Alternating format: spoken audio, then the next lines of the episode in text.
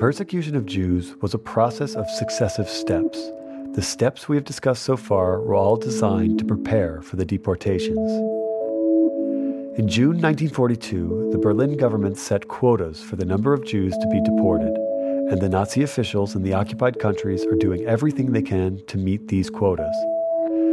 To ensure that the deportations are carried out as orderly as possible, without inciting protests, Jews are imprisoned in large numbers before they are taken to death camps. In Amsterdam, the Nazis are using a theater for detainment, holding in total more than 46,000 Dutch Jews. This theater, the Hollandse Schouwburg, is the turning point from life in restricted freedom under anti Jewish laws to imprisonment and death. A small number of photos remain from the 16 months this theater was used for this goal. Annemiek Gringold, curator of the Jewish Cultural Quarter, talks about one of these photos.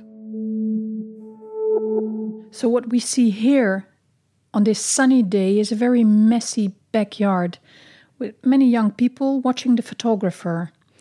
It's a sunny day, and in between the crowd, there's a Dutch police officer.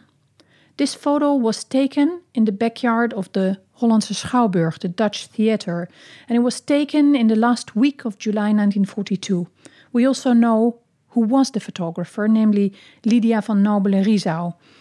Back then, she was a young girl living next door, Gentile. On July 20, 1942, the Dutch theater started being used or abused as a deportation site. In the middle of, the, of that month, July 1942, deportations from the Netherlands started. The reason for containing large numbers of Jews in a place like this came up soon after the first orders for deportations were issued. People had to report first to the central station in Amsterdam, but when it became obvious that too little people showed up, the occupier adapted its methods. It made it more efficient and it looked for a vicinity close to the targeted group, so in the Jewish neighborhood. And there was the Dutch theater. It had a tram stop in front of it, so it was logistically easy to bring people in into imprisonment, but also to deport. A theater building also is easy to guard. It's a black box and you can fit large groups of people in there. Now, the German occupier committed itself to deport already 40,000 Jews in 1942.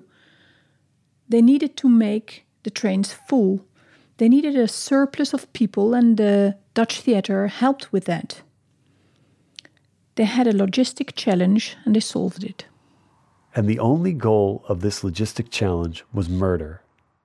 In the interview project, Eva Jette Sallier talks about her experiences in the Hollandse Schouwburg. We were brought to a uh, Sammelstelle, a, um, where everybody was pulled together. It was the Schouwburg. It was a big theater.